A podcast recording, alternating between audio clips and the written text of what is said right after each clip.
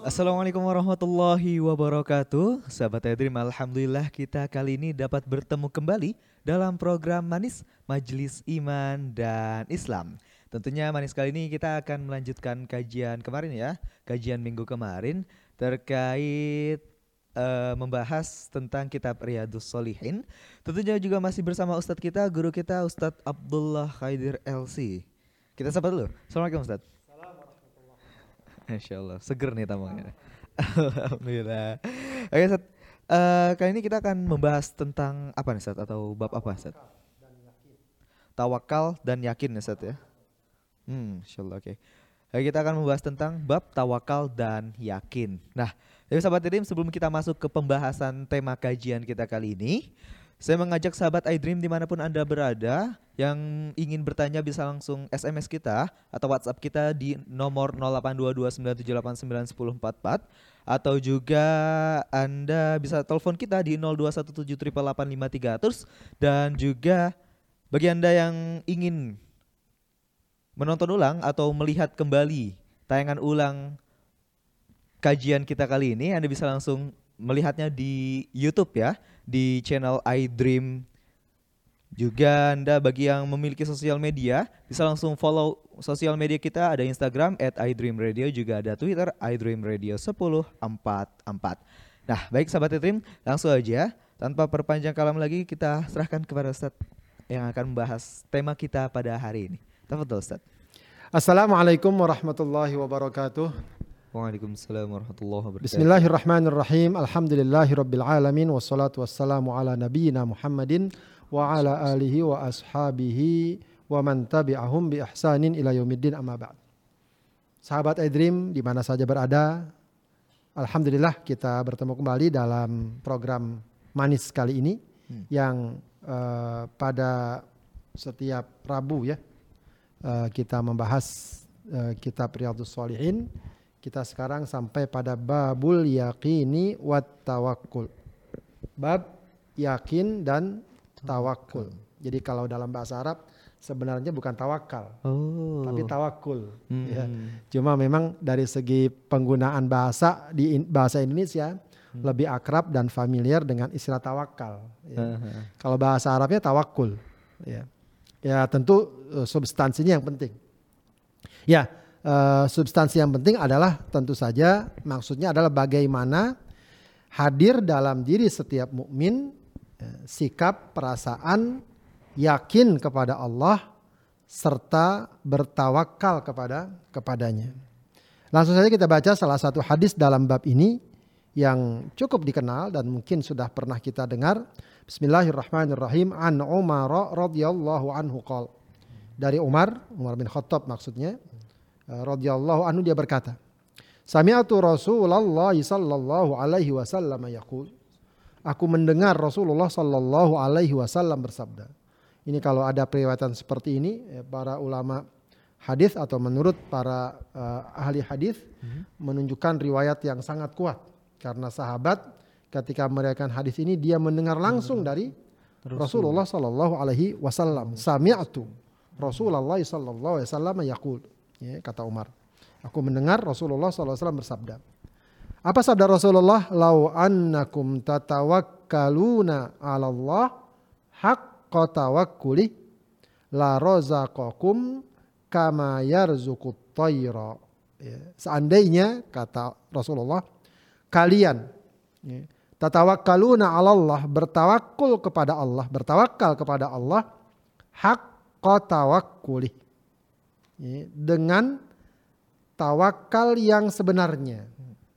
Ya, tawakal yang sebenarnya. La rozaqakum niscaya Allah akan memberikan kalian rizki. Kama yarzuqut tair sebagaimana dia memberikan rizki kepada burung. Ya. Tagdu khimason di mana burung tersebut tagdu khimason. Eh, tagdu atau al-ghudwah Ya, Al-Ghadwah itu maksudnya adalah berangkat pagi-pagi. Di pagi-pagi berangkat itu namanya Al-Ghadwah. Ya. Uh, dia berangkat pagi-pagi, maksudnya dia terbang meninggalkan sarangnya di waktu pagi hari, khimason. Khimas itu artinya kondisinya dalam keadaan lapar eh, atau kosong perutnya. Perutnya kosong ya, tentu saja karena lah Lapar. karena lapar, ya. Wa taruhu bitonan dan taruh taruh itu ar-rauhah itu maksudnya pulang dalam keadaan di sore hari maksudnya pulang di di waktu so, sore namanya ar-rauhah ya. Jadi ada al-ghadwah berangkat di pagi hari, ar-rauhah itu pulang di sore hari ya. atau di akhir di akhir hari. Uh, Wataruhu bitonan ya. dan kemudian burung itu sudah uh, pulang di sore harinya dalam keadaan penuh perutnya atau atau dalam bahasa lain dalam keadaan kenyang ya. Rawahu tirmidzi hadis ini riwayat tirmidzi wa qala haditsun hasanun ya. Hadis ini adalah hadis yang hasan ya.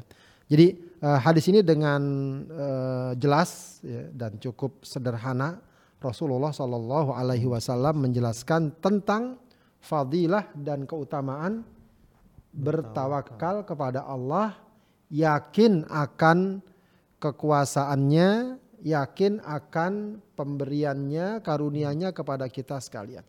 Dan ini merupakan salah satu perkara yang harus dimiliki oleh setiap mukmin, setiap muslim. Itu meyakini bahwa Allah telah ya, memberikan jatah ketentuan kepada kita semua, kepada kita semua. Ya meyakini akan kekuasaan Allah, ya, perlindungan Allah, pertolongan Allah kepada kita sekalian. Ya. Karena eh, para sahabat Aidrim yang dimuliakan Allah, kita ini dibanding Allah tentu sesuatu yang amat-amat berbeda. Ya. Manusia, ya, sebagaimana Allah katakan, wa khuliqal insanu dha'ifa manusia itu diciptakan dalam keadaan lemah. lemah. Manusia itu pada hakikatnya lemah. Ya, kalau diperhatikan bukan hanya lemah saat dia baru dilahirkan lemah tidak berdaya. Bahkan saat seseorang memiliki berbagai kemampuan, kecerdasan, tenaga yang kuat, harta yang banyak pun dia pada hakikatnya masih lemah. Ya. Bayangkan saja, adakah manusia dengan segala kekuasaannya dia bisa berdiri sendiri mengurus segala urusannya sendiri? Tidak ada. Ya, untuk makan yang dia suap saja, ya, itu harus membutuhkan sekian banyak orang. Ada petani yang menanamnya, ada yang penjual, ada sopir yang mengantarkannya, ya, ada mungkin orang yang memasaknya. Ya. Dia sangat tidak berdaya, sangat tidak berdaya. Ya. Apa kekuatan seorang? Dia punya kekuatan apa? Katakanlah dia seorang penguasa besar, tetap saja. Kalau diperhatikan sesungguhnya dia tidak berdaya, lemah. Ya, lemah. Misalnya juga seorang dokter, ya, dia tahu segala penyakit dan lain sebagainya. Apakah dia nggak sakit? Suatu saat dia akan sa sakit. Ya. Bahkan saya pernah dengar dokter ahli kanker terkenal menderita kanker. gitu. Itu gambaran apa? Betapa lemahnya manusia. Manusia. Manusia. Sementara di sisi lain, fa innallaha ghaniyun 'anil alamin. Allah maha kaya, ya sangat tidak butuh dengan alam. Allah nggak butuh dengan kita. Ya. Allah tidak butuh dengan kita. Allah tidak butuh dengan siapa pun dan apa pun. Allah ghani. Wa huwa ala kulli syai'in qadir. Dia dapat berkuasa atas segala sesuatu. sesuatu. Ya. Maka eh, keyakinan-keyakinan seperti ini ya, bagi orang yang beriman semestinya melahirkan satu sikap, satu keyakinan bahwa dia harus yakin dengan kekuatan, kekuasaan, perlindungan, pembelaan Allah Subhanahu wa taala dan dia pun karenanya harus bersandar kepada Allah. Sehebat apa pun dia. Sekuat apa pun dia. Apalagi kalau ternyata kita sadari bahwa kita ini banyak kelemahan, kita banyak sekali kebutuhan. Apalagi kalau kita berada dalam kondisi yang terdesak dan lain itu harus lebih besar lagi keyakinannya kepada Allah Subhanahu wa taala, penyandarannya kepada Allah. Ya. Penyandarannya kepada Allah. Ya. Makanya juga kita dapati misal dalam surat Al-Ikhlas ya, Allah dengan tegas menyatakan kul huwallahu ad Allahus somad. Allah tepat bergantung. Inilah tawakal. Ya. Bagaimana dalam kehidupan kita Ya, selalu. Ya. Jangan pernah kita lupa. Walaupun mungkin kita sedang berada dalam keberhasilan, kesuksesan. Jangan pernah kita lupa untuk terus bersandar kepada Allah. Ya. Sebab suatu saat bisa saja apa yang kita anggap sebagai kekuatan kita, kehebatan kita, tiba-tiba hancur, tiba-tiba hilang. Ada orang yang tadinya kaya raya tiba-tiba ambruk, bangkrut dan semacamnya. Ada orang yang tadinya sangat terhormat, tersohor tiba-tiba juga jatuh. Itu sangat mungkin sekali terja terjadi. Ya, makanya seorang muslim ya, harus selalu bersandar kepada Allah Subhanahu wa taala. Ya, harus selalu pasrah kepada kekuatan dan kekuasaan Allah Subhanahu wa taala. Ya, meyakini bahwa apa yang ada pada dirinya dan alam ini tak lepas dari ketentuan Allah. Makanya juga salah satu wujud dari sifat tawakal ini adalah dia akan selalu berdoa meminta kepada Allah Subhanahu wa taala. Ya. Dari setiap usahanya, dari setiap ikhtiarnya, dia sudah hitung matang-matang, dia sudah rencanakan baik-baik, ya, maka jangan hanya mengandalkan apa? Sekedar ikhtiarnya, jangan hanya mengandalkan sekedar usahanya. Ya, betul kita tidak mengatakan bahwa tidak boleh ikhtiar, tidak mengatakan demikian. Ya, tapi sehebat-hebat ikhtiar kita, sehebat-hebat usaha kita, jangan sekali-kali kita melupakan kekuasaan dan kekuatan Allah Subhanahu wa taala. Sebab fakta ya kita pun mungkin pernah merasakan bagaimana satu upaya yang kita sudah atur sedemikian rupa, kita sudah rancang sedemikian rupa dan kita sudah perkirakan prediksikan ini bakal gol misalnya. Hmm. Ini bakal sukses. Ya, contoh sederhana lah ya. Kita udah berencana banget lah ya misalnya bikin acara seperti ini, rekaman seperti ini. Mhm. Udah kita atur, atur, atur, udah hubungi ini, hubungi itu, sudah clear semua. Tapi kadang terjadi sesuatu yang di luar kehendaki kehendak kita. Nah, itu fakta yang menunjukkan bahwa tidak selamanya apa yang kita usahakan walau semaksimal mungkin sesuai dengan apa yang kita harap harapkan. Ini menunjukkan ya, bahwa di balik semua ini sesungguhnya ada zat yang maha mengatur. Ya. Bahkan kalaupun ternyata misalnya sebagai ikhtiar kita berhasil, ikhtiar kita sukses, itu pun juga tak lepas dari ketentuan Allah. Ya, jadi ya ini yang kadang-kadang dalam pergaulan sehari-hari kita uh, sering berbicara bahwa takdir Allah itu kalau lagi susah. Hmm. Ya, mungkin pernah saya sampaikan dalam pertemuan ini. Kita baru bilang kalau lagi kecelakaan baru kita bilang apa? Udah takdir. Padahal kalau lagi nggak kecelakaan, kecelakaan juga takdir juga. Hmm. Ya. Giliran dapat mahasiswa dapat nilainya jelek baru bilang apa? Takdir. takdir. Giliran dapat prestasi bagus bilang takdir nggak? Jarang. Jarang. Jadi padahal itu takdir juga. Mm Itu kekuasaan Allah Subhanahu wa taala. Bahkan dalam satu hadis Rasulullah katakan uh, wa'lam anna ma asobaka lam yakun liyukhti'ak wa ma akhta'aka lam yakun liyusibak. Ketahuilah bahwa apa yang sudah ditetapkan menimpamu tidak akan meleset. Ya. Baik positif atau negatif. Ya, kita udah ditetapkan Allah berhasil, berhasil. Tidak akan gagal. Tapi kebalikannya kalau sudah ditetapkan Allah meleset nggak akan kena. Ya, sudah bukan bagian kita, ternyata ya pasti tidak tidak kena. Ini uh, memang sebuah uh, perkara yang erat sekali kaitannya dengan keyakinan kita. Memang kalau sekedar hitung-hitungan logis segala macam, sering kali uh, kita seperti menafikan atau mengenyampingkan itu. Tapi kalau orang dekat dengan keimanannya kepada Allah, dia akan selalu mengaitkan setiap usahanya dan tindak tanduknya dengan kekuasaan Allah Subhanahu wa taala. Bahkan walau dalam kondisi yang paling kritis sekalipun. Artinya berbagai macam indikasi apa namanya tanda-tanda mengarah kepada sesuatu perkara, tapi dia tetap yakin Allah yang maha menentu menentukan. Makanya uh, ucapan para nabi, para sahabat ketika menghadapi masa-masa yang kritis, ya, Nabi Ibrahim alaihissalam ketika sudah mau dilempar ke dalam api yang menyala-nyala, apa yang dia katakan? Apa ucapan Nabi Ibrahim ketika akan dilempar itu? siapa yang tahu? Apa dia katakan? Apa Jan? Eh, Wah, belum tahu atau lupa. Dia katakan hasbunallahu wa ni'mal wakil. Cukuplah bagiku Allah sebaik-baik pelin. pelindung. Begitu juga para sahabat Rasulullah. Para sahabat Rasulullah, orang-orang kafir ngasih informasi, ya syaywar lah begitu. Ah kalian ini udahlah. Lihat di sana itu musuh sedang menyusun kekuatan, mengumpulkan kekuatan besar-besaran.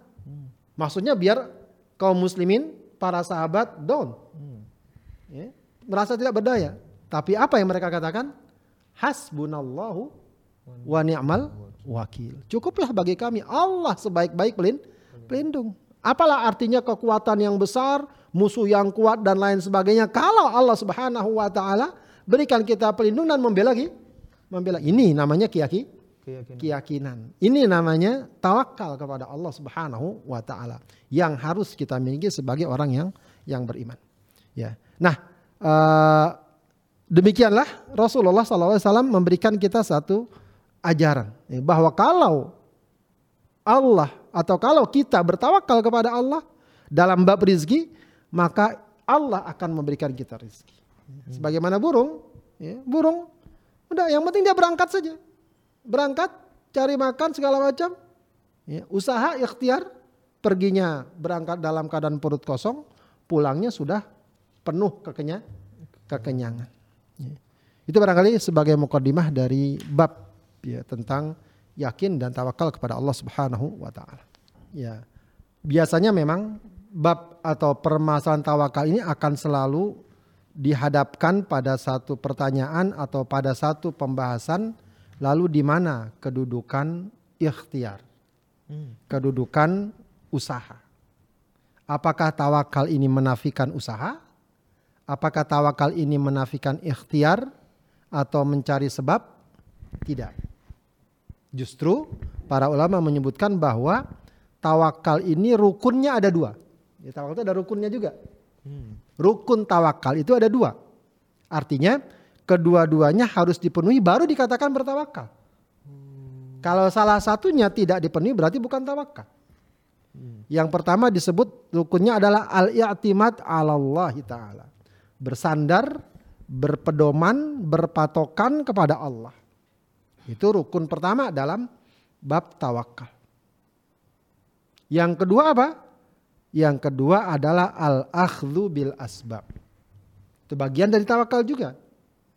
Ya, bagian tawakal juga, yaitu mencari sebab-sebab dari setiap tujuan dan keinginan yang kita harap yang kita harapkan. Ya, Kenapa ini bagian dari rukun tawakal? Karena sesungguhnya ketika Allah menetapkan segala sesuatu di alam ini, dia juga menetapkan sebab-sebabnya. Jadi ini merupakan bagian dari kekuasaan Allah juga. Bahwa alam ini Allah ciptakan segala kejadiannya, ya, alamnya lewat sebuah proses ya, yang baku tidak berubah sebab-sebabnya dari dulu hingga sekarang sa- sama. Maka ketika kita mencari sebab-sebab tersebut, sesungguhnya itu tak lain dari ya, upaya kita untuk menyesuaikan sebagaimana yang Allah kehendak kehendaki. Jadi mengambil sebab berikhtiar itu juga bagian dari tawakal. Makanya eh, dalam Al-Qur'an Allah katakan faida azamta fatawakkal 'ala Allah. Jika kamu sudah azam maka bertawakallah kepada Allah. Bertawakal kepada Allah di sini maknanya bukan kemudian dia diam. Kalau sudah azam bertawakal kepada Allah maksudnya apa? Berangkatlah, berjalanlah, berusahalah, seraya ya, bersandar kepada kepada Allah.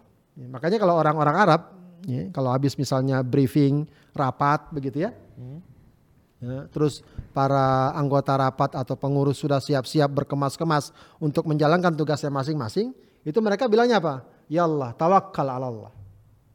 Ya, Jadi itu tawakal ala Allah bukan berarti dia diam nunggu apa eh, sesuatu yang diharapkan tidak. Tawakal ala Allah maksudnya berangkatlah, tunaikan tugas, lakukan berbagai ikhtiar dan usaha seraya bersandar kepada kekuasaan Allah.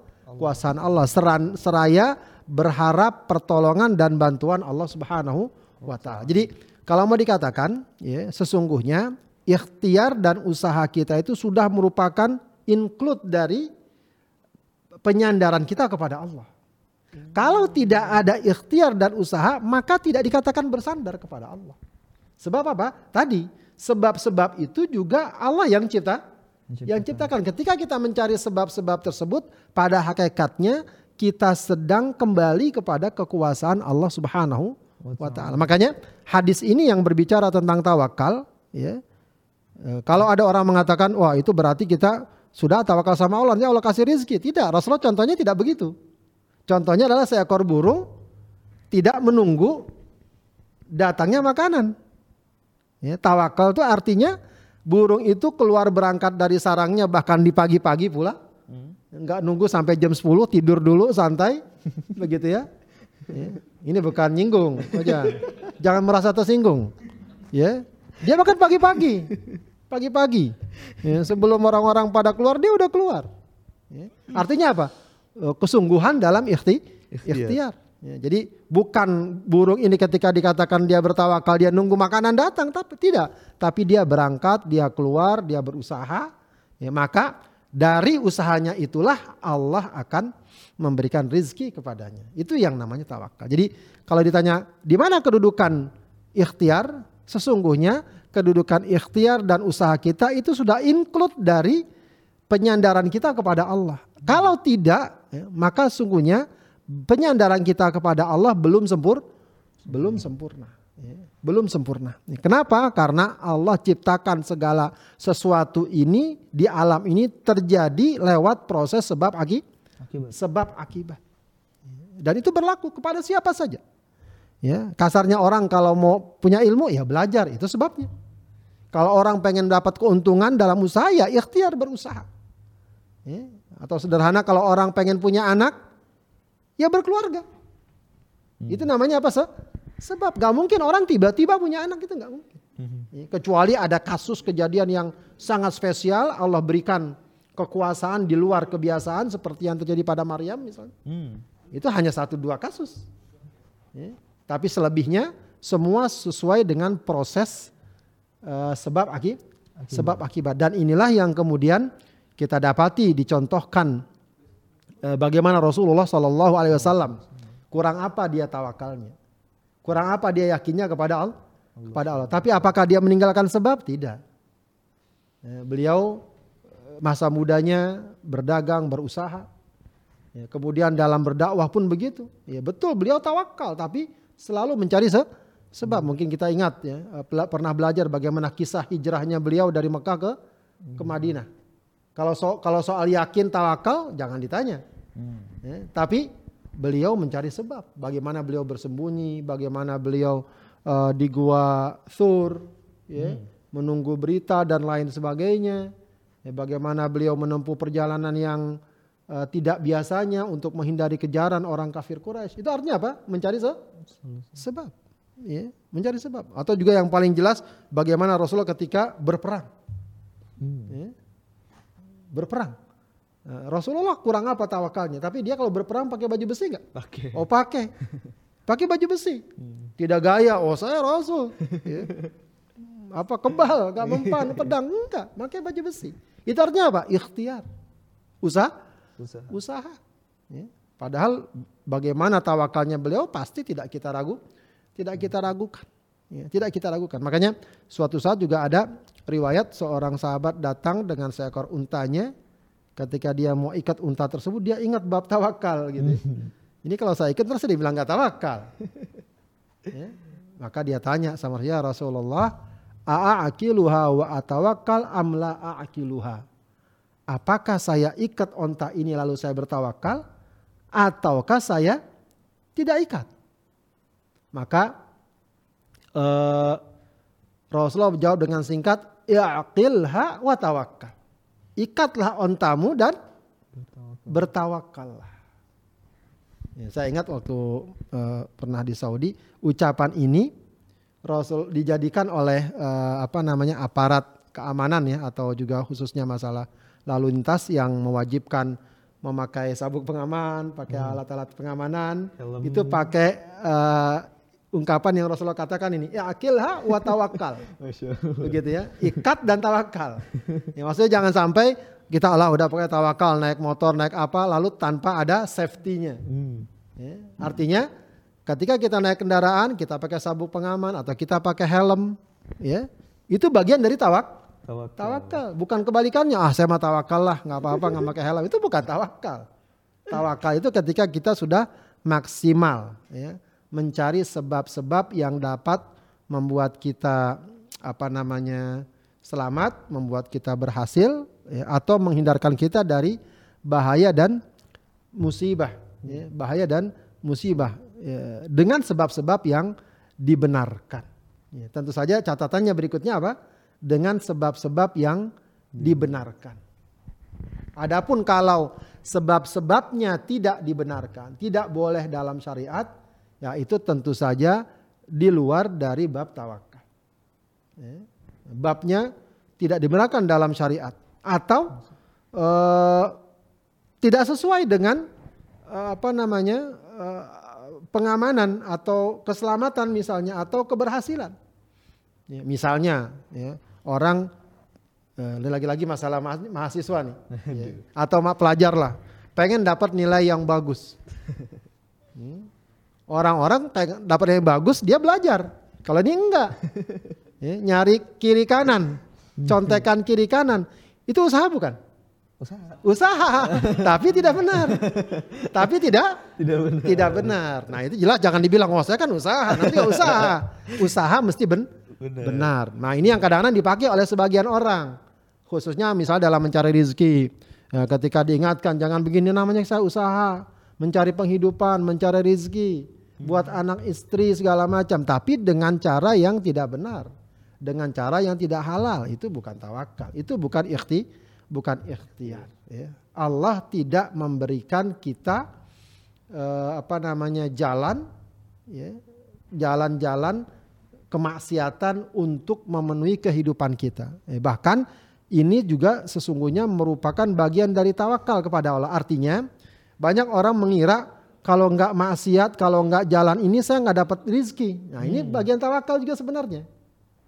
Eh? Ah, bahkan ada satu ungkapan sekarang ini, sekarang jangankan yang halal, yang haram aja susah, begitu ya. Bahasa kayak begitu. Ya, seakan-akan ingin membenarkan perbuatan-perbuatan yang dia seakan-akan kalau nggak nggak mencari harta dengan cara yang haram dia nggak dapat rezeki. Nah berarti orang seperti ini tawakalnya lemah. Ya, tawakalnya lemah. Ya, jadi eh, Allah tentu maha kaya. Allah maha berkuasa. Jangan kita katakan kalau nggak begini saya nggak dapat uang, nggak dapat rezeki. Insya Allah masih banyak cara dan jalan kita untuk mendapatkan riz, rezeki. Tawakal sama Allah, ikhtiar yang kuat akan Allah kasih ja, Allah akan Allah kasih ja, akan Allah kasih jalan. Ya, akan Allah kasih jalan. Atau juga apa namanya eh, orang-orang yang eh, dalam ibadah kepada Allah eh, maaf dalam usaha dan ikhtiar kepada Allah Subhanahu wa taala dalam ikhtiar kehidupannya ya, dengan cara meninggalkan syariat Allah atau meninggalkan kewajiban-kewajiban kewajibannya. Betul mungkin usahanya benar. Dia banting tulang mencari rizki, kerja, jualan segala macam, tapi ya, konsekuensinya dia meninggalkan syariat Allah. Ada orang yang atas nama bekerja segala macam misalnya dia misalnya membuka aurat. Aduh pak saya kalau nggak begini ntar di pekerjaan saya dipecat. Begitu ya. Seakan-akan kalau dia dipecat nanti dia nggak dapat rezeki. Nah ini patut diperkuat lagi tawakal. Tawakalnya. Ya. Kalau memang itu konsekuensinya anda lebih milih mana? Ya, misalnya bekerja dalam keadaan bermaksiat, meninggalkan perintah Allah, atau tinggalkan tempat tersebut, cari pekerjaan lain di mana Anda masih dapat melaksanakan syariat syariat Allah dan yakinkan dalam diri kita. Ya, ini ada satu kaidah yang sangat bagus. Ya, diriwayatkan dia sebagai hadis, namun memang diperdebatkan sahih tidaknya. Tapi setidaknya dia di, selalu disebutkan oleh para ulama. Kata para ulama, man taraka syai'an lillahi awadahullahu khairam minhu. Siapa yang meninggalkan sesuatu karena Allah, meninggalkan sesuatu karena Allah. Yang meninggalkan sesuatu karena Allah apa maksudnya? Ya misalnya perbuatan tersebut diharamkan. Atau perbuatan tersebut membuat dia tidak dapat melaksanakan kewajibannya. Ada orang yang karena tugas ini itu dia nggak bisa sholat. Nah, kalau gini urusannya nggak bisa di, diterusin. Hmm. Ya. Udahlah tinggalkan. Insya Allah akan Allah ganti. Benar. Awadahullahu khairan minhu. Akan Allah ganti dengan yang lebih lebih baik. Lebih baik. Banyak orang-orang yang taubat segala macam lalu dia tinggalkan uh, segala sesuatu yang dekat dengan kemaksiatannya, Allah ganti dengan yang hmm. yang lebih baik. Maka kuatkan tawakal kita. Makanya pernah saya dapatkan satu pertanyaan, Pak Ustadz gimana kalau seandainya saya bekerja nggak bisa sholat? Ya, sampai-sampai ada ungkapan terpaksa sholatnya harus di WC. Begitu karena nggak boleh sama majikannya sholat. Hmm. Itu dia kerja di uh, negara negara satu negara minoritas begitu. Begitu ya. Saya bilang udah kalau kayak gitu Anda harus berf segera berpikir atau segera mengambil sikap untuk meninggalkan pekerjaan tersebut. Kalau begitu kenyataan. Insya Allah masih banyak jalan untuk mendapatkan riz rizki yang halal tanpa kita harus meninggalkan syariat Allah. Ya, syariat Allah. Apa artinya kita dapat gaji segala macam, sholat tidak, eh, kemudian ada juga yang karena bekerja dia harus minum minuman keras dan lain sebagainya dan lain sebagainya. Nah, uh, jadi intinya adalah tawakal ini ya kita bersandar kepada Allah Subhanahu wa taala namun juga kita tidak boleh lupa untuk berikhtiar maksimal. Hmm. Ya. Ikhtiarnya pun nggak seadanya tapi maksi, maksimal maka itu merupakan bagian juga dari tawak tawakal kepada Allah Subhanahu wa taala. Kesimpulannya adalah bahwa yakin dan tawakal kepada Allah Subhanahu wa taala adalah perkara yang sangat penting bagi kehidupan kita. Ya, pertama tentu saja dia merupakan uh, apa namanya indikasi keimanan seseorang yang benar kepada Allah ya, di mana keimanan yang benar itu akan melahirkan tawakal. Ya, makanya Allah katakan wa 'alallahi falyatawakkalil mu'minun. Hendaknya kepada Allah lah orang-orang beriman dia bertawak bertawakal. Ya. Artinya kalau dia bertawakal pertanda keimanannya ada dan baik kepada Allah. Kalau dia tidak bertawakal maka pertanda keimanannya bermasalah setidaknya. Baik kemudian eh, tawakal juga akan melahirkan ketentraman dan ketenangan jiwa. Ya, sebab ketika seorang bersandar kepada Allah Subhanahu wa taala dia bersandar kepada sesuatu yang maha kuat, maha kuasa, maha menentukan. Ya, biasanya tingkat ketenangan orang itu sejauh mana dia bersandar kepada sesuatu yang dianggapnya lebih kuat. Ya, lihatlah seorang anak ya, yang masih kecil, ketika dia tahu ada bapak atau ibunya, maka biasa dia akan tenang. Kenapa? Hmm. Ada orang tuanya yang melindunginya, yang mengawasinya, yang membelanya dan seterusnya. Maka orang yang beriman kepada Allah Subhanahu wa taala ketika dia selalu bersandar kepada Allah, maka insya Allah akan menimbulkan ketenangan dan ketentraman hati. Walaupun dia berada mungkin saja dalam kondisi yang berat, yang kritis, ya, maka ketika dia meyakini ada Allah yang maha besar, maha kuasa, pengharapannya, ya, keyakinannya akan lebih kuat. Itulah yang tadi kita katakan bagaimana Nabi Ibrahim alaihissalam, bagaimana para sahabat ketika menghadapi masa-masa yang sulit mereka selalu kembali kepada Allah. Hasbunallah wa ni'mal wa ni'mal wakil. Dan kemudian ya, tentu saja ketawakalan kita kepada Allah akan mengundang pertolongan Allah Subhanahu wa taala. Ya, jadi seberapa besar pertolongan Allah kepada kita ya sebesar itu pula atau sangat dikaitkan dengan seberapa besar ketawakalan kita kepada kepada Allah. Makanya ada satu fenomena di mana pertolongan Allah atau hal-hal yang sifatnya luar biasa sering disebut dengan karomah begitu ya. Hmm, ya itu sering terjadi di medan perang. Para mujahid, ya, para pejuang di jalan Allah hmm. itu banyak mengalami dan mendapati karomah. Kenapa? Ya, karena kalau sudah dalam kondisi seperti itu, tingkat tawakal seorang sangat tinggi. Hmm. Paham nggak? Ya, tingkat tawakal seorang sangat tinggi. Wallahu alam kita pun mungkin pernah mengalami masa-masa yang sulit, masa-masa yang berat. Itu biasanya pengharapan dan penyerahan kita kepada Allah lebih be lebih besar. Ya. Biasanya doa-doa kita akan lebih khusyuk. Hmm. Ya. ya lagi-lagi contohnya mahasiswa lah ya. Paling gampang contoh mahasiswa. Kiriman bulanan sudah belum datang. Yang ada sudah menipis. Hmm. Ya. Biasanya kayak kayak gitu doanya semakin mantap. Pengharapannya kepada Allah semakin tinggi. Itu biasanya wallahu alam sering terjadi sesuatu, sesuatu yang tidak diduga.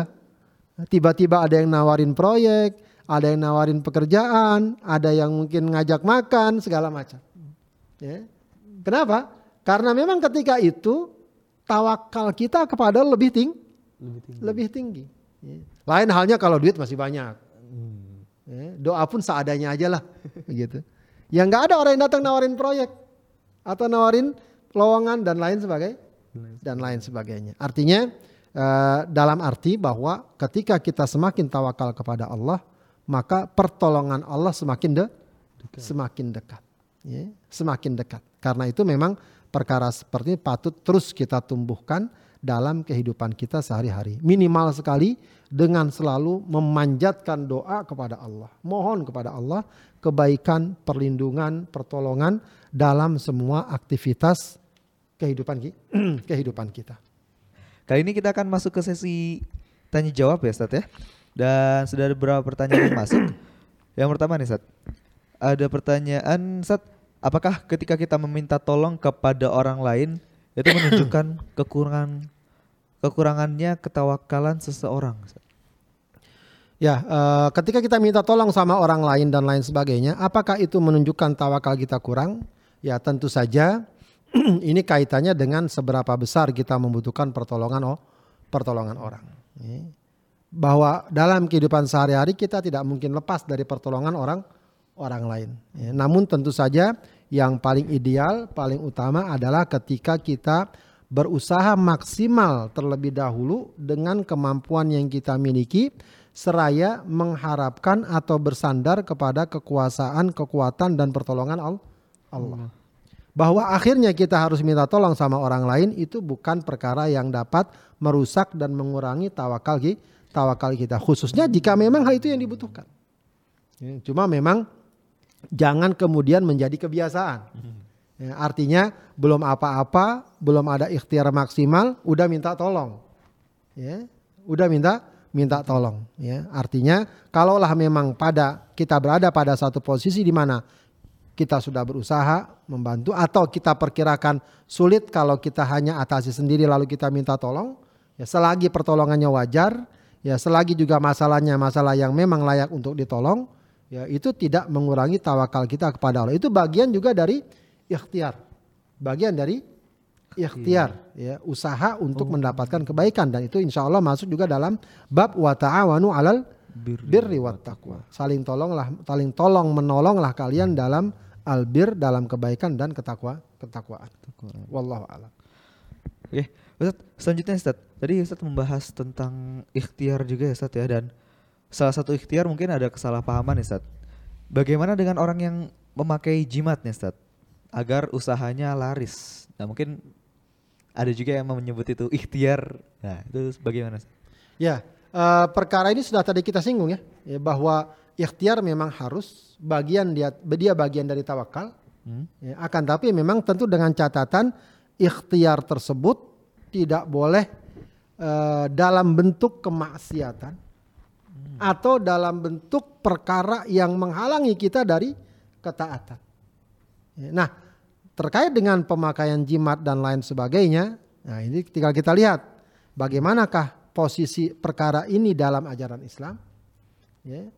Uh, terkait dengan syarat atau juga sebab yang dibolehkan dalam Islam itu minimal ada dua atau salah satu di antara keduanya.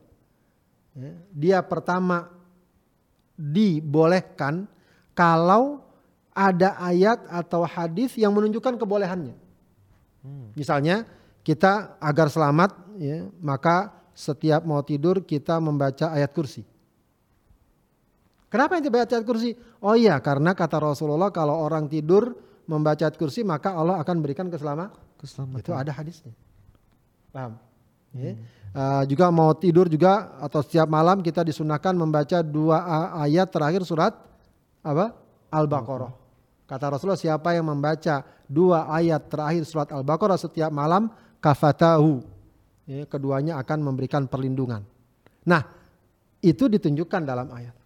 Ada hadisnya, ada ayatnya. Ya. Itu yang pertama. Dia boleh dijadikan syarat, boleh ikhtiar. Kita ikhtiar agar selamat baca ayat kursi. Itu ikhtiar. Ikhtiar agar selamat baca dua ayat terakhir surat Al-Baqarah. Begitu ya. Atau juga misalnya walau mungkin secara umum kaitannya apa? Ya, tidak ada mas, tidak masalah selagi memang ada petunjuknya. Misalnya kita ikhtiar agar kita umur kita diberikan usia panjang, diberikan rezeki yang luas. Apa ada hadisnya yang menjanjikan rezeki yang lapang dan umur yang panjang? Apa? Silaturahim. Kata Rasulullah, "Man ahabba an yubsata lahu rizquhu wa yunsa'alahu atharu falyasil rahimah." Ya, siapa yang ingin diluaskan rezekinya, panjangkan umurnya, maka bersilaturahimlah. Maka tidak mengapa. Oh, saya ikhtiar untuk dapat dapat rezeki, maka saya bersilaturahim. Itu yang pertama. Yang kedua, sebab yang kedua yang dibolehkan adalah sebab yang secara logis atau juga berdasarkan pengalaman yang dapat dipahami, dia memang memiliki hubungan sebab akibat. Ya. Jadi seperti tadi orang naik motor pakai helm agar aman, agar selamat. Itu hubungan sebab akibatnya nyambung nggak? Nyambung. Nyambung. Nah, meskipun nggak ada ayatnya, mana ayatnya harus pakai helm? Nggak ada. Tapi orang tahu bahwa kalau pakai helm itu lebih mendatangkan keselamatan. Ah, Naik mobil, bawa kendaraan, pakai seat belt, pakai sabuk pengaman. Nah, itu dipahami sebab akibatnya Ada. ada. Begitu ya. Nah, kalau jimat ini tinggal dilihat apakah ayatnya atau ajarannya ada, hadisnya atau ayatnya ternyata tidak ada. Rasulullah berkali-kali perang nggak bawa jimat ya. Padahal perang sangat bahaya. Dia nggak bawa jimat. Begitu ya. Ya, Tidak mengajarkan para sahabat yang dagangnya mau untung bawa jimat tidak. Dan juga dari hubungan sebab akibat. Apa kaitannya jimat dengan agar kita misalnya dagangnya laku? Hubungan sebab akibatnya tidak ketangkep. Hmm. Kalau kita bilang ente kalau mau dagangan laku maka pagi-pagi sapu itu tokonya biar bersih biar orang tertarik. Kalau itu ada nggak hubungan sebab akibatnya? Ada. Ada. Tapi kalau masalah dia nyimpen jimat biar dagangannya laku, tidak ada. Ya, Jadi dengan demikian itu bukan bagian dari ikhtiar yang dibenar Yang dibenarkan. Maka dia juga bukan bagian dari tawakal yang diperintah diperintahkan. Hendaknya dihindari hal-hal seperti itu. Ya, Hal-hal seperti itu hendaknya dihindari karena juga di sisi lain eh, cukup bermasalah dari segi akidah dan keyakinan kita kepada Allah Subhanahu wa taala. Eh, Ustadz, kita ke pertanyaan selanjutnya nih Ustadz. Eh, Ustadz, bagaimana jika orang yang non muslim atau banyak orang barat ya Ustadz ya yang memiliki kekayaan, nah harta yang melimpah, padahal mereka kita tahu sendiri bahwa mereka non muslim dan tidak percaya kepada Allah, bukan ya Ustadz ya. Dan sedangkan para muslim yang bertawakal atau mungkin merasa dirinya telah bertawakal ini telah berusaha keras namun tidak menghasilkan mungkin kenapa gitu Ustaz? Ya, eh, ini tentu bisa kita dari beberapa sisi ya, Hmm. beberapa sisi. Pertama ada orang yang nggak bertawakal, nggak bersandar kepada Allah, nggak beriman kepada Allah, nggak bersandar kepada Allah. Dia cuma mengandalkan ikhtiar usahanya segala macam. Kok berhasil? Ya. Eh, tentu saja ukuran keberhasilan di sini eh, dalam Islam ya, eh, harus dilihat secara utuh. Hmm. Ya. Kalaulah patokannya keberhasilan dunia, maka kita katakan keberhasilan dunia sementara dia kufur kepada Allah atau jauh dari ajaran Allah atau tidak bersandar kepada Allah, ya pada hakikatnya dalam pandangan Islam ya, itu bukan keberhasilan yang hakiki. Ya, kalau dalam bahasa Islam itu namanya istidraj. Dia tetap diberikan kelebihan-kelebihan duniawi padahal dia tidak beriman, padahal dia suka maksiat, itu namanya istidraj. Ini istidraj itu kalau bahasa kita dia apa? Diulur. Oh. Ibarat orang kalau lagi mancing ikan, ikannya makan, itu nggak langsung ditarik. Biarin biar ikannya itu pu, puas Puas. makan. Sehingga ketika ditarik, ditarik dalam keadaan yang mengagetkan dan ya sangat membuatnya apa namanya atau memati atau mematikan. Begitu. Jadi namanya istidraj. Jadi jangan kemudian kita langsung mengambil wah kalau begitu dah kita sama ikut sama kayak mereka aja lah nggak perlulah bab-bab tawakal segala ikhtiar aja. Wah itu tidak benar. Ya, Toh juga tidak selamanya mereka begitu kemudian berhasil. Ternyata banyak juga yang gagal. Hmm. Banyak pula yang menderi, Menderita. menderita. Ya, itu bab pertama. Eh, permasalahan kedua, lalu kenapa kok Muslim banyak yang tidak berhasil? Dia udah usaha, udah bersandar pula. Ya, ya ini juga banyak tinjauannya. Ya, pertama bisa jadi itu merupakan bagian dari ibtila, ujian Allah kepada orang beri, Beri- beriman. Ujian Allah kepada orang beriman. Eh, patut juga kita pahami, ya, di sini masalah keberhasilan atau masalah eh, apa istilahnya eh, kesuksesan dalam tinjauan keimanan itu apa? Hmm. Jadi masalah kesuksesan dalam tinjauan keimanan itu adalah apabila seseorang sudah menjalankan apa yang Allah syariatkan dan Allah perintahkan. Ya, paham? Artinya apa yang seperti dalam bab tawakal. Allah sudah ajarkan kita untuk bersandar pada Allah. Sudah kita lakukan, sudah. Allah perintahkan kita untuk ikhtiar, sudah kita lakukan, sudah. Sudah, itu berarti sukses. Paham nggak? Hmm, hmm. Walaupun mungkin hasilnya katakanlah tidak sehebat hasil mereka yang sudah ikhtiar namun tidak tawakal. Jadi nggak harus selalu kemudian paralel dengan ujungnya. Ya, Sama seperti orang misalnya udah menjaga kesehatan segala macam tapi kok sakit. Hmm. Sementara ada orang yang ya, ya makan apa saja, hidup di mana saja, ternyata dia lebih sehat. Ada nggak orang kayak maaf ya, kayak orang gila gitu ya, udah jarang mandi segala macam, ya sehat-sehat aja dia. Iya, iya. Tapi nggak ada orang yang mengatakan kalau begitu udahlah Jadi seperti mereka aja lah, gitu nggak ada. Proses itulah yang akan menentukan kita di hadapan Allah, di hadapan Allah. Makanya dalam surat apa itu? Surat Sof ya. Ya ayyuhalladzina amanu hal adullukum ala tijaratin tunjikum min adzabin alim. Wahai orang beriman, maukah kalian aku kasih tahu perdagangan yang akan menyelamatkan kalian dari azab yang yang pedih. Apa kata Allah? Tu'minuna billahi wa rasulihi wa tujahiduna tu'minuna billahi wal yaumil akhir wa tujahiduna bi amwalikum wa anfusikum fi sabilillah. Engkau beriman pada Allah Subhanahu wa taala dan rasulnya, kemudian engkau berjihad dengan harta dan nyawa kamu di jalan di jalan Allah. Apa kata Allah? Dzalikum khairul lakum in kuntum ta'lamun. Itu lebih baik bagi kalian jika kalian mengetahui.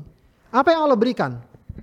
Yaghfir lakum dzunubakum wa yudkhilkum jannatin tajri min tahtihal Allah akan ampuni dosa kalian, masukkan kalian ke dalam surga yang mengalir di bawah sungai-sungai wa masakin thayyibah dan tempat tinggal yang bagus, yang baik fi jannati aden di, di surga Aden wa dzalikal fawzul azim. Ya, itu semua adalah kemenangan yang besar. Jadi Allah belum berbicara tentang hasilnya. Sepanjang kalian sudah beriman pada Allah, berjihad di jalan Allah dengan harta dan jiwa, ya, maka kalian sudah mendapatkan kemenangan. Paham? Walaupun boleh jadi mungkin saja suatu saat kalah. Rasulullah dalam perang pernah kalah nggak? pernah. Pernah ya, setidaknya terdesak dalam perang Uhud misalnya. Iya. Ya, Itu kalah dalam ukuran dunia, tapi dalam ukuran keimanan kepada Allah, mereka menang. Kenapa? Mereka sudah berji, Berjihad. berjihad, sudah berjihad. Jadi eh, ini yang harus memang dipahami ya, dipahami permasalahan ini bahwa kemenangan kita, kesuksesan kita adalah kalau kita telah istiqomah berada di jalan Allah, di jalan Allah. Makanya ayat ini ber- baru berbicara tentang kemenangan wa ukhra tuhibbunaha dan perkara lain yang kalian sukai. Itu bonus kalau bahasa kita. Itu bonus. Nasrum minallahi wa fathun qarib. Pertolongan dari Allah dan kemenangan yang dekat. Jadi kalau kita usaha ada usaha perjuangan Islam segala macam, kok misalnya masih belum berhasil segala macam, jangan merasa kecewa. Hmm. Selagi kita sudah ikhtiar, selagi kita selalu bersandar kepada Allah, itulah sebenarnya kemena- Kemenangan. kemenangan. Walaupun mungkin saja di tengah perjalanan ada yang mungkin apa namanya gugur, ada yang mungkin eh, katakanlah di di penjara atau apa lain sebagainya, itu namanya resiko perjuangan. Tapi bahwa seorang berada di jalan Allah, maka itulah hakikat kemenang, kemenangan. Ya. Dan insya Allah ya, selagi seseorang betul-betul beriman, betul-betul bertawakal kepada Allah, mencari sebab-sebab yang ada, suatu saat ya, Allah akan juga berikan kemenangan duniawi tadi.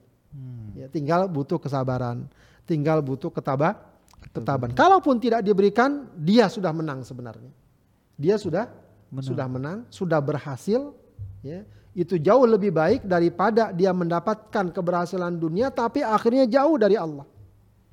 Ya. Sebagaimana ada orang-orang yang jauh dari Allah, nggak tawakal kepada Allah, mungkin dia sukses dari segi dun dunia. dunia, tapi pada hakikatnya dia tidak sukses karena jauh dari Allah Subhanahu wa taala. Wallahu a'lam. Baik. Ustaz, ada pertanyaan terakhir nih, Ustaz.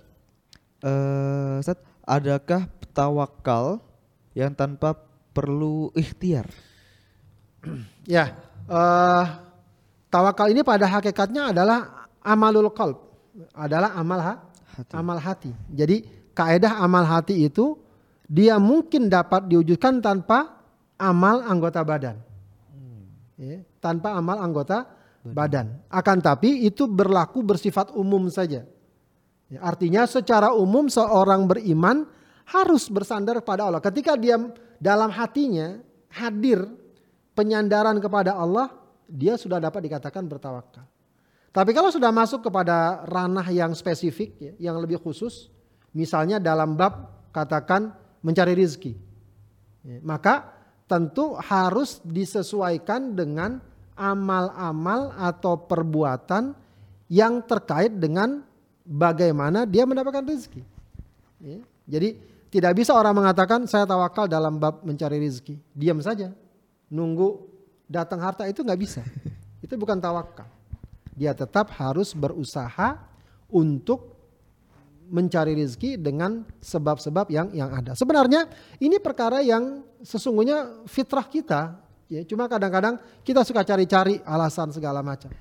Ya contohnya lah ya, Orang kira-kira kalau bangun tidur, Ojan bisa bangun tidur, lapar. Kira-kira dia diam aja nggak di atas kasur? Nunggu lah ada orang yang nyuapin, nunggu nanti kenyang enggak. Secara refleks, fitrah, dia akan apa Berdiri, ke dapur makan. bahasa kita ngeratak-ngeratak. Ada yang bisa dimakan? Buka kulkas. Nah, buka kulkas. Oh ternyata ada indomie. Nggak dicukup dia indomie nggak dibiarin aja kan? Enggak enggak biar indomie dia masak sendiri matang sendiri enggak kita enggak. buka kita masak. Artinya uh, itu adalah perkara fitrah di mana ketika kita menghendaki sesuatu maka kita akan melakukan sesuatu yang dapat mengantarkan kita kepada tujuan tertentu. Jadi secara umum boleh kita katakan tawakal pada Allah artinya bersandar kepada kepada Allah. Ya, walau mungkin tidak ada perbuatan amal dan lain sebagainya. Ya, insya Allah itu bagian dari keimanan yang benar. Akan tapi kalau sudah spesifik sifatnya, kita pengen menang, kita pengen selamat, kita pengen hasil ujian yang bagus, ya, kita pengen sukses dalam usaha dan lain sebagainya, hmm. mau tidak mau harus diiringi ya, tawakal kita selain penyandaran kepada Allah harus diiringi dengan langkah-langkah yang disesuai disesuaikan. Ada ungkapan dalam pepatah Arab tarjun najata walam tasluk masalika fa innas safinata la tajri alal yabasi. Kalau kalian ingin mendapatkan kesuksesan namun tidak menempuh jalannya, ya, ya bahasanya ketahuilah, ya, ente agar agar ente sadar bahwa yang namanya perahu itu tidak mungkin jalan di di daratan. Jadi masing-masing ada jalan jalannya. Perahu sehebat apa pun di daratan nggak bakal jalan dia. Ya. Iya, Gak bakal jalan. Artinya setiap masalah mesti ada jalan-jalan yang selayaknya harus dia tem dia tempuh. Tapi yang membedakan kita dengan tadi ya orang-orang yang jauh dari Allah, tidak beriman kepada Allah, yang membedakan kita apa? Membedakan kita adalah kita bersandar kepada Allah. pada Allah. Setelah kita berusaha maksimal, segala sesuatu kita serahkan kepada Allah, kepada Allah Subhanahu wa taala. Wallahu a'lam.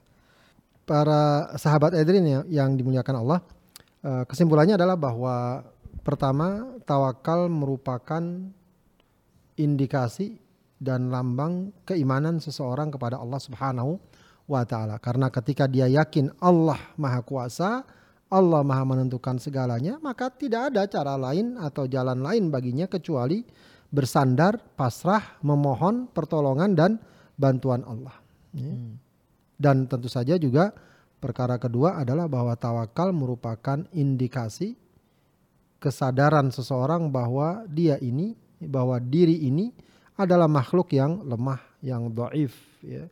Walaupun Allah berikan kita berbagai macam kelebihan, apakah harta, tenaga, ilmu dan lain sebagainya, tetap saja hal itu tidak akan menghilangkan ya, kelemahan dan kebaifan manusia, manusia. Maka konsekuensi logisnya adalah dia akan merujuk, bersandar, mencari sesuatu yang lebih kuat, lebih kuasa. Dan itu adalah tawak, tawakal. Dan perkara yang juga harus kita pahami adalah bahwa tawakal tidak boleh menghalangi kita untuk berikhtiar berusaha maksi, maksimal. Bahkan ikhtiar dan usaha maksimal itu justru merupakan bagian dari tawakal. Jadi hmm. seperti saya katakan dia sudah include ya. Ketika kita kata, ketika kita katakan tawakal, maka sebenarnya dia sudah include yaitu eh, termasuk di dalamnya perkara ikhti, ikhtiar. Makanya seperti saya katakan tadi orang Arab itu kalau sudah nyuruh kita bekerja bahasanya ya Allah tawakal Allah. Ayo tawakal aja kepada Allah. Maksudnya kerjalah kalian, berikhtiarlah kalian dan bertawakal kepada Allah Subhanahu wa taala. Dan insya Allah semakin kita bertawakal kepada Allah, semakin besar pertolongan Allah kepada kita. Kepada kita. Wallahu alam bisawab. Baik, jazakallah Ustaz atas penyampaian materi kita pada hari ini di program Manis terkait kitab Riyadus Solihin dan juga semoga bisa bermanfaat ya Sat ya kepada seluruh pendengar sahabat Edream di mana pun Anda berada di rumah ataupun di perjalanan di mana pun. Dan juga terima kasih juga untuk sahabat Edream yang telah mendengarkan Manis di 1044 AM iDream Radio atau juga di live streaming kita di www.idreamradio.id dan juga Anda bisa menyaksikan kembali program kajian dan talk show iDream Radio di channel YouTube kami di channel iDream Radio dan jangan lupa di like, comment, and subscribe serta di share agar lebih bermanfaat kepada teman-teman Anda. Dan terakhir, saya Fauzan Zuhdi pamit. Mohon maaf jika ada salah kata. Subhanakallahumma bihamdika asyhadu an la ilaha illa anta astaghfiruka wa atubu ilaik. Assalamualaikum warahmatullahi wabarakatuh. Oh.